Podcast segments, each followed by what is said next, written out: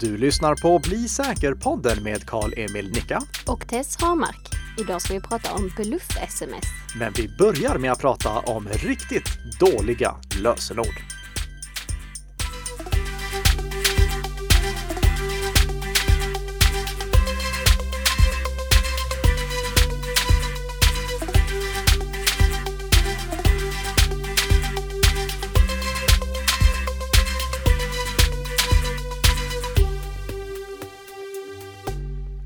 Ja, god morgon, god morgon och välkomna till Bli säker-podden som produceras i samarbete mellan Nika Systems som gör IT-säkerhet för alla och Bredband2 som är en operatör som lyssnar på sina kunder. Eh, anledningen till att jag säger god morgon, god morgon trots att det här faktiskt är inspelat på en eftermiddag, det är att jag hoppas att du prenumererar på den här podden för då får du ju varje fredag ett nytt litet avsnitt som kan underhålla dig med goda säkerhetstips på vägen till jobbet, till skolan eller vart du nu än är på väg. Och när när vi släppte förra avsnittet, då hade podden inte dykt upp i alla poddspelare än, men nu finns den överallt så att du kan prenumerera och inte missa ett enda avsnitt. Och missade du förra avsnittet, då missade du vår diskussion och eh, eh sågning skulle man väl kunna kalla det om eh, hela den här, eh, hela konceptet kring lösenordsbytardagen. Precis. För det var ju nämligen så att, eh, ja men varför ska man byta ett vinnande koncept helt enkelt? Ja, har vi... du ett vinnande koncept i form av ett bra lösenord så behöver du inte byta det på regelbunden basis under förutsättning att du har bra lösenordsvanor i övrigt och att du byter det så fort vi, du har minsta misstanke om att det kan ha läckt. Och jag tänkte att vi skulle ta upp bollen där vi lämnade den i förra avsnittet och prata om vad de här bra lösenordsvanorna egentligen är. Precis. Och vi tänkte inleda lite här med kanske att börja prata om varför får lösenord aldrig återanvändas? Ja, du återanvänder väl aldrig lösenord? Absolut inte. Nej, jättebra. Eh, för lösenord är ju i grund och botten bara hemligheter. Och eh, precis som vilken annan hemlighet som helst så kan lösenord spridas vind för våg om de hamnar på avvägar. Och man kan inte veta hur många som känner till det, man kan inte begränsa spridningen av det. Så om ett lösenord hamnar på avvägar, då har vi tappat full kontroll över det. Och lösenord hamnar på avvägar. De gör det förr eller senare. Det, vi kan ta Adobe som exempel. De råkade läcka hela sin databas med dåligt skyddade lösenord tillsammans med kundernas e-postadresser. Det här var 2013 om jag inte missminner mig. Mm, och det är ett väldigt, vara, förlåt. Ja, något sånt kan det nog ja, vara. Ja. Eh, och det är ett väldigt tydligt exempel på varför vi måste ha unika lösenord överallt. För om jag använder det lösenordet till andra tjänster, till exempel för att logga in på Facebook eller Twitter eller Instagram, då kan ju en angripare som har kommit över det lösenordet också logga in som mig där och det kan få ödesdigra konsekvenser om de försöker lura mina vänner därigenom eller ändra diverse inställningar eller posta fel bilder. Ja, det, det, man måste ha unika lösenord. Mm, precis. Men sen finns det ju definitivt ett konto som är ju extra viktigt att skydda och som det verkligen gäller att ha ett unikt och starkt lösenord på. Ja, och, och det är e-postkontot. E-postkontot är det absolut viktigaste kontot att skydda. Och jag vet att när jag säger att det är jätteviktigt att ha unika lösenord överallt så är det inte en rekommendation som någon kan följa utan att ha hjälp av till exempel en lösenordshanterare. Och det har ju inte alla än, även om jag tror att alla som lyssnar på den här podden kommer ha det inom en väldigt snar framtid. Eh, men om man inte har en lösenordshanterare, då får man i alla fall börja med att se till att säkra upp det kontot som är viktigast att ha ett starkt och unikt lösenord till. Och det är e-postkontot. För om någon kommer åt mitt e-postkonto, då är jag säkerhetsmässigt schackmatt. Det beror inte på att jag har massa kärleksbrev och hemligheter sparade på mitt e-postkonto, utan det beror på den fundamentala roll som mitt e-postkonto fyller i säkerhetssammanhang. Om jag glömmer mitt lösenord till Spotify till exempel, då går jag ut till Spotify och klickar på att jag har glömt mitt lösenord och får då ett mejl med en lösenordsåterställningslänk. Klickar jag på den länken kan jag skriva in ett nytt lösenord. Men det innebär också att om en angripare kommer åt mitt e-postkonto, då kan han eller hon återställa lösenordet till alla konton som det e-postkontot är kopplat till. Så om du som lyssnar på det här bara ska byta lösenordet till ett konto, byt då lösenordet till ditt e-postkonto. Och sen visst, man kan ju inte förutse att en webbplats skulle läcka några lösenord eller e-postadresser och sådär. Men man kan ju i alla fall försöka skapa ett säkert lösenord. Ja. Och eh, regel ett där är ju i alla fall att undvika att använda de vanligaste lösenorden som finns. Mm. Eh, det är nämligen så att eh, det amerikanska säkerhetsföretaget Splash Data har släppt en, eh, en rapport nu 2019 över de vanligaste lösenorden. Ja, de släpper den faktiskt varje år. De sammanställer vilka de vanligaste lösenorden var under det gångna året. Och de lösenorden som var vanligast under det gångna året är per definition de sämsta lösenorden att ha i år. I och med att det är de lösenorden som angriparna först av allt kommer testa ifall de vill försöka logga in på något av våra konton. Precis. Och eh, jag tänkte jag kanske att jag skulle läsa upp några av dem. Mm. Och eh, om ni som lyssnar bara känner, åh oh, shit, det där är ju mitt lösenord, byt genast. Ja. ja så nummer ett på listan då eh, är 1, 2, 3, 4, 5, 6.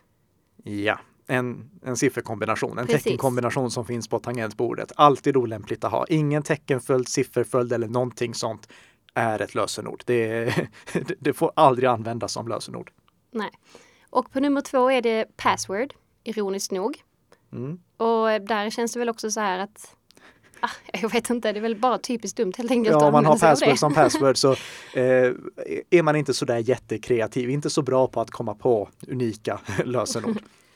Nej, precis. Eh, men vi har ju i alla fall ett som är ett nytt ord och det är sunshine, för mm. det har aldrig varit på listan innan. Nej. Eh, och då kan man ju undra så här, men varför, varför just sunshine? Är det för att vi har haft en torr sommar? Eh, jag skulle säga som så här att eh, de lösenorden som är vanligast är, precis som sunshine, ett väldigt bra tecken på hur dåliga vi människor är på att komma på lösenord. För vi kollar runt omkring oss och så ser vi, okej, okay, vi har ett tangentbord, eh, vi har en mus, vi har en skärm, solen skiner, sunshine. Ah, jag tar sunshine. Mm. Eh, vi liksom kollar runt omkring oss och tar ett eh, substantiv ofta, eh, någonting som vi ser runt omkring oss. Och det är jättedumt att göra. Mm. För det vet angriparna också om. Precis. Men finns det då en, finns det en svensk motsvarighet på den här listan?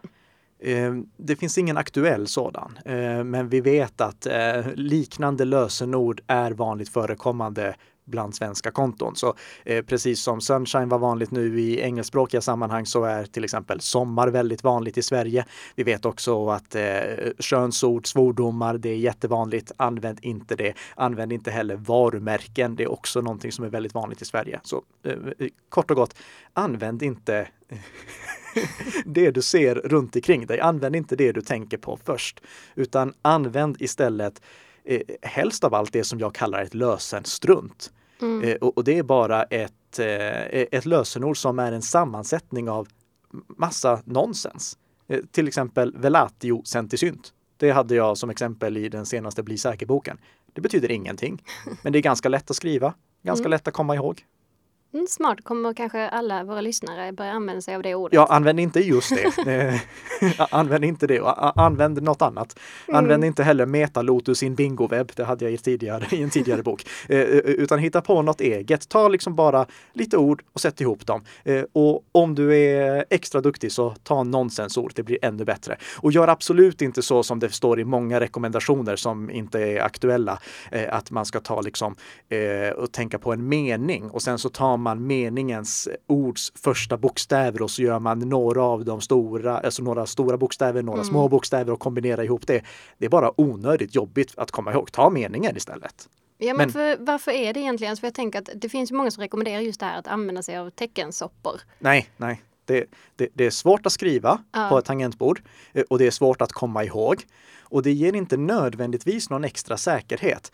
Eh, alltså, jag vet inte om vi tog det i förra podden som exempel, att eh, man, det, är många som byter ut eh, o i password mot en nolla. Mm. Det, det, det, är liksom ett, ett klassiskt exempel som eh, har en klassisk rekommendation, felaktig rekommendation som har florerat länge.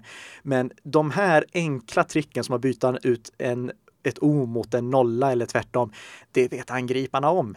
Precis som vi lätt kan komma på det så vet angriparna om det och deras verktyg kan lätt testa de sakerna också. Så gör inte det. Eh, det är till och med så att om vi kollar på NIST-riktlinjerna som jag vet att vi nämnde i förra podden och även Microsofts riktlinjer kring eh, lösenordsrekommendationer. Mm. Eh, då står det nu uttryckligen att de inte rekommenderar att användarna ska behöva använda olika typer av tecken, utan det ska räcka med att man har en teckentyp. Mm. Anledningen till att jag tror att många företag, organisationer och webbplatsdrivare har den här, eh, de här kraven fortfarande det är att det ur en programmerares perspektiv är väldigt lätt att sätta in en sån kontroll, att kolla att det ska finnas olika teckentyper mm. för att förhindra att användarna väljer de här superdåliga lösenorden som till exempel password sunshine 1, 2, 3, 4, 5, 6 och liknande. Mm. Så det, det, är ett sätt för dem att få användarna till att välja ett lite säkrare lösenord. Men någonting som är mycket bättre, det är att bara ha en lista över förbjudna lösenord där man tar de vanligaste lösenorden och säger de här får man inte använda i kombination kombination med att utbilda användarna om vad ett bra lösenord egentligen är. Mm, precis.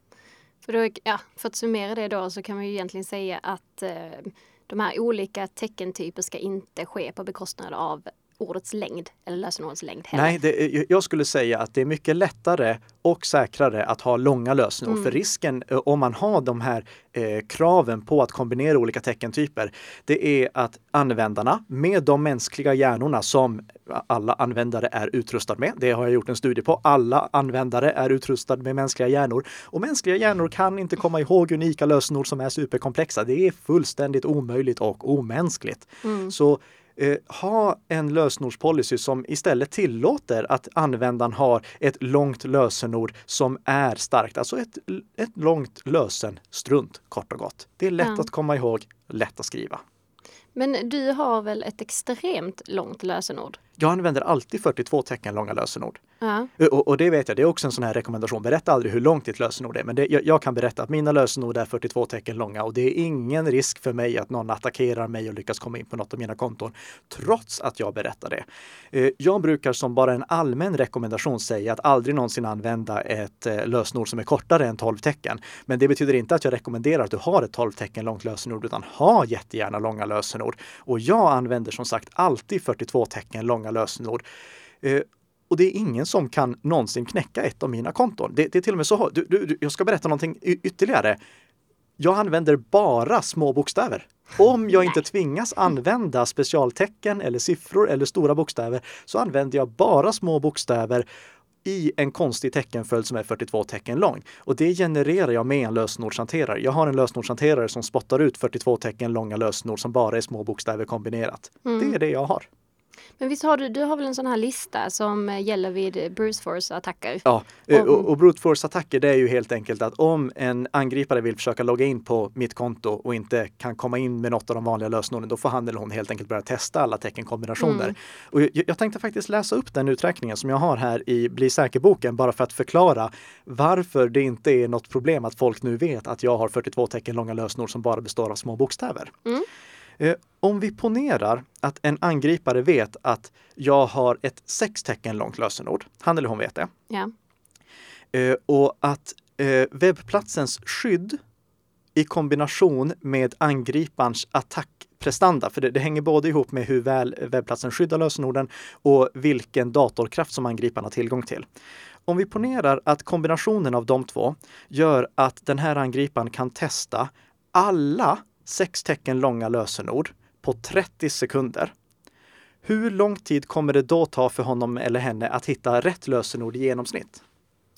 Uh, ja, det, det ska väl vara 15 sekunder va? Ja, precis. Det, det, uh, i, absolut bästa fall hittar han eller hon rätt lösenord på första mm. försöket. I absolut värsta fall på sista försöket och genomsnittet är ju då att han eller hon hittar det på 15 sekunder. Och det är ju väldigt, väldigt snabbt ju. Ja, eh, men, det här igen, det, det beror på den kombinationen av de mm. två tillsammans. Så det, det, kan variera väldigt mycket. Mm. Eh, men låt oss då säga att eh, han eller hon hittar rätt lösenord på i genomsnitt 15 sekunder. Lägger jag till ett tecken till, så det är sju tecken långt, då kommer det istället ta i genomsnitt 15 minuter. Åtta tecken, åtta timmar. Nio tecken, nio dygn. Tio tecken, ett år. Elva tecken, 21 år. 12 tecken, 605 år, 13 tecken, 18 millennier, 14 tecken, eh, 508 millennier, 15 tecken, 15 miljoner år, 16 tecken, 855 miljoner år. Och, och jag, tror ni förstår här att när vi kommer upp till 42 tecken långa lösenord, då tar det i genomsnitt mycket, mycket längre tid att hitta det än världen har existerat. Det, så det, är liksom helt omöjligt att hitta rätt lösenord trots att jag har gett er den här informationen. Mm. Så egentligen så är ju dina lösenord då att de kan ju användas i generationer utan att det det sker något intrång. Absolut. För, förutsatt att det inte sker någon läcka då. Eh, exakt. Mm. Eh, eller att eh, det händer något helt revolutionerande på lösenordsknäckarfronten eh, som gör att de kan testa lösenord mycket, mycket snabbare. Ja. Eh, men eh, oavsett vad, med hotbilden och de attackmöjligheter som finns idag så går det inte att knäcka mina 42 tecken långa lösenord trots att jag har gett den här informationen. Mm. Men du, du brukar ju säga någon, du har ju en sån här grundrekommendation på antal tecken som är på 12 va? Ja, och, och det, det, det som jag brukar säga det, är att du ska ha längre än det. Det är minst 12 tecken. Eh, Och jag vet ju att eh, om jag ska få alla till att ha 42 tecken långa lösenord så är det ingen som kommer komma ihåg alla de här unika lösenorden till alla sajterna. Så det här bygger ju på att du har en lösenordshanterare, vilket vi kommer till i ett kommande avsnitt. Eh, Jag använder ju LastPass eh, och eh, det som är speciellt med en lösenordshanterare som till exempel LastPass, det är att jag behöver bara komma ihåg ett enda lösenord och det är lösenordet till LastPass.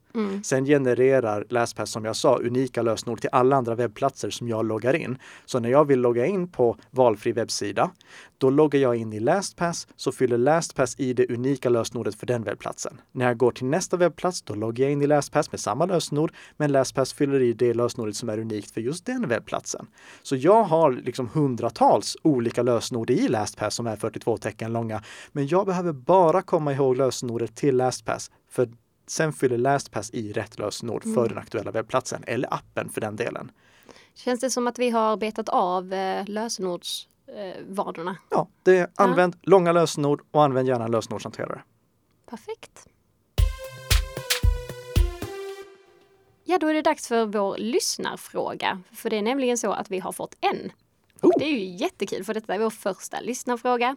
Eh, jag ska dock tillägga att detta är från eh, min kollega Peter. Ja, den här podden har inte spridit sig sådär jättemycket än. Eh, men det är bra för er att känna till också, för det är nu som konkurrensen är som lägst om att få med er fråga som veckans lyssnarfråga. Och får ni med det, ja då får ni också bli säkerboken som tack. Precis. Och det hela börjar egentligen med att Peter kom fram till mig igår och så sa han att han hade fått en, ett meddelande, från, alltså ett sms från en avsändare som står, det står ICA helt enkelt. Ehm, och i det här smset så står det ICA kundnöjdhetsenkät. Delta och få ett presentkort värt 250 kronor. Begränsat, till de första 500 deltagarna. Klicka här och så är det en kort länk. Och då frågar, vi, eh, ja, då frågar Peter sig själv egentligen. Så här, ja, men hur, kan jag, eh, hur kan jag veta att eh, det här smset är eh, en bluff eller ej? Eh, och eh, det kan han inte. Eh, han kan bara förutsätta att det är en bluff. Eh, vi kan ju säga första problemet är avsändaren. Det, det står ju ICA som avsändare. Precis. Men i det avsändarfältet kan jag i rollen som bedragare skriva precis vad jag vill. Jag kan skriva ICA, jag kan skriva Coop, jag kan skriva Bredband2, jag kan skriva Nicka, jag kan skriva Tess, jag kan skriva precis vad jag vill.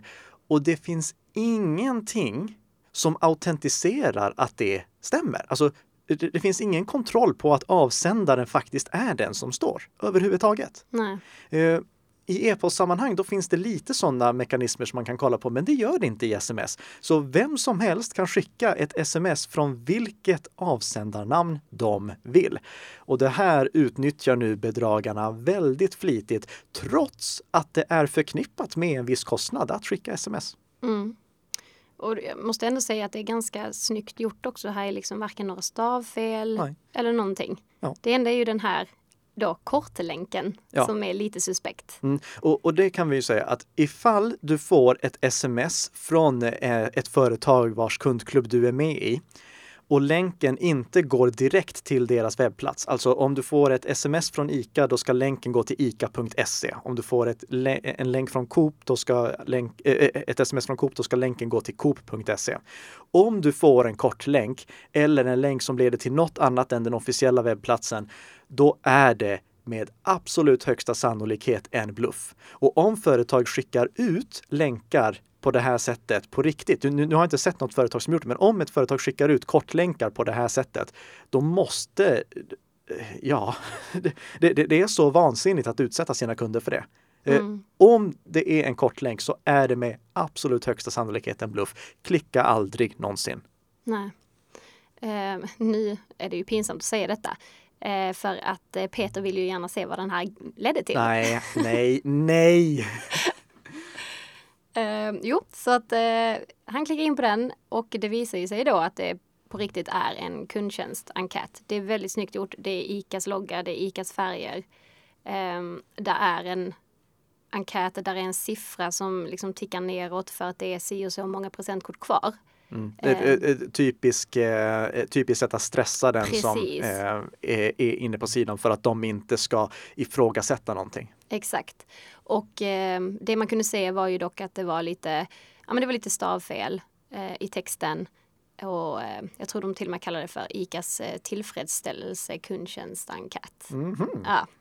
Eh, men eh, i alla fall, man, om man klickade vidare där så kunde man sen komma till att eh, fylla i sina uppgifter för att du fick faktiskt ett grattis, du får ett eh, presentkort. Oh. Eh, eller hur? Och sen så ja, fyller man i sina uppgifter, kommer ju, och verkligen förvånansvärt här, att till att eh, fylla i dina kreditkortsuppgifter för att det kostar ju nämligen 9 kronor för frakten. Ja, Det kunde de inte bjuda på. eller hur? Ja, Men, det, det här är ju ett jätteklassiskt exempel på hur bedragare eh, lurar till sig kreditkortsuppgifter. Eh, och fyll aldrig i den här typen av enkäter och lämna definitivt inte bort dina kreditkortsuppgifter. Men jag skulle bara vilja säga att eh, klicka inte, alltså ä- även om du, du ser att det är en bluff, även om du vet med dig att det är en bluff, så stilla din nyfikenhet. Gå inte vidare och kolla på hur bluffen ser ut. För eh, som jag sa tidigare, det är förknippat med en kostnad att skicka ut sms. Och bluffmakare kan därför ha tracking-id i de här kortlänkarna så att de vet vilka telefonnummer som eh, har en mottagare som klickar på länken. För eh, det är mycket mer intressant för dem att skicka den här typen av bluff-sms till en mottagare som de vet att faktiskt är en riktig person istället för att de skickar ut det vitt och brett och riskerar att lägga pengar på att skicka sms till telefonnummer som inte längre är aktiva. mm, Så klicka inte på länkarna överhuvudtaget. Inse bara det här är en bluff, stilla din nyfikenhet och släng smset. mm. Det är det du behöver göra. Och därmed eh, tror jag att Ja, det finns en sak till du borde göra i och för sig och det är ju att prenumerera på den här podden som jag sa inledningsvis. För nu är ju podden precis överallt och vi är tillbaka med ett nytt avsnitt igen om en vecka. Eh, passa också jättegärna på att recensera den här podden på till exempel eh, iTunes ifall du tycker om den. Eh, och vill du komma i kontakt med någon av oss för att ställa en lyssnarfråga eller kommentera någonting så kan du ju självfallet göra det via våra sociala medier. Precis. Så ös på med frågor och ja, vi, vi vill jättegärna lyfta era frågor i kanske nästa eller nästa igen. Ja, det, vi får se. Vi tar upp det när det passar. Mm. Det går också att mejla oss, men som ni kanske känner till vid det här laget så eh, försöker jag eliminera e-post så mycket det bara går. Så mejla helst inte, använd hellre sociala medier. Men ta kontakt med oss på ett eller annat sätt så kommer vi att besvara dina frågor på bästa möjliga sätt. Eh, därmed tackar jag bara så mycket för att du har lyssnat på det här avsnittet och säger på återhörande. Hej då!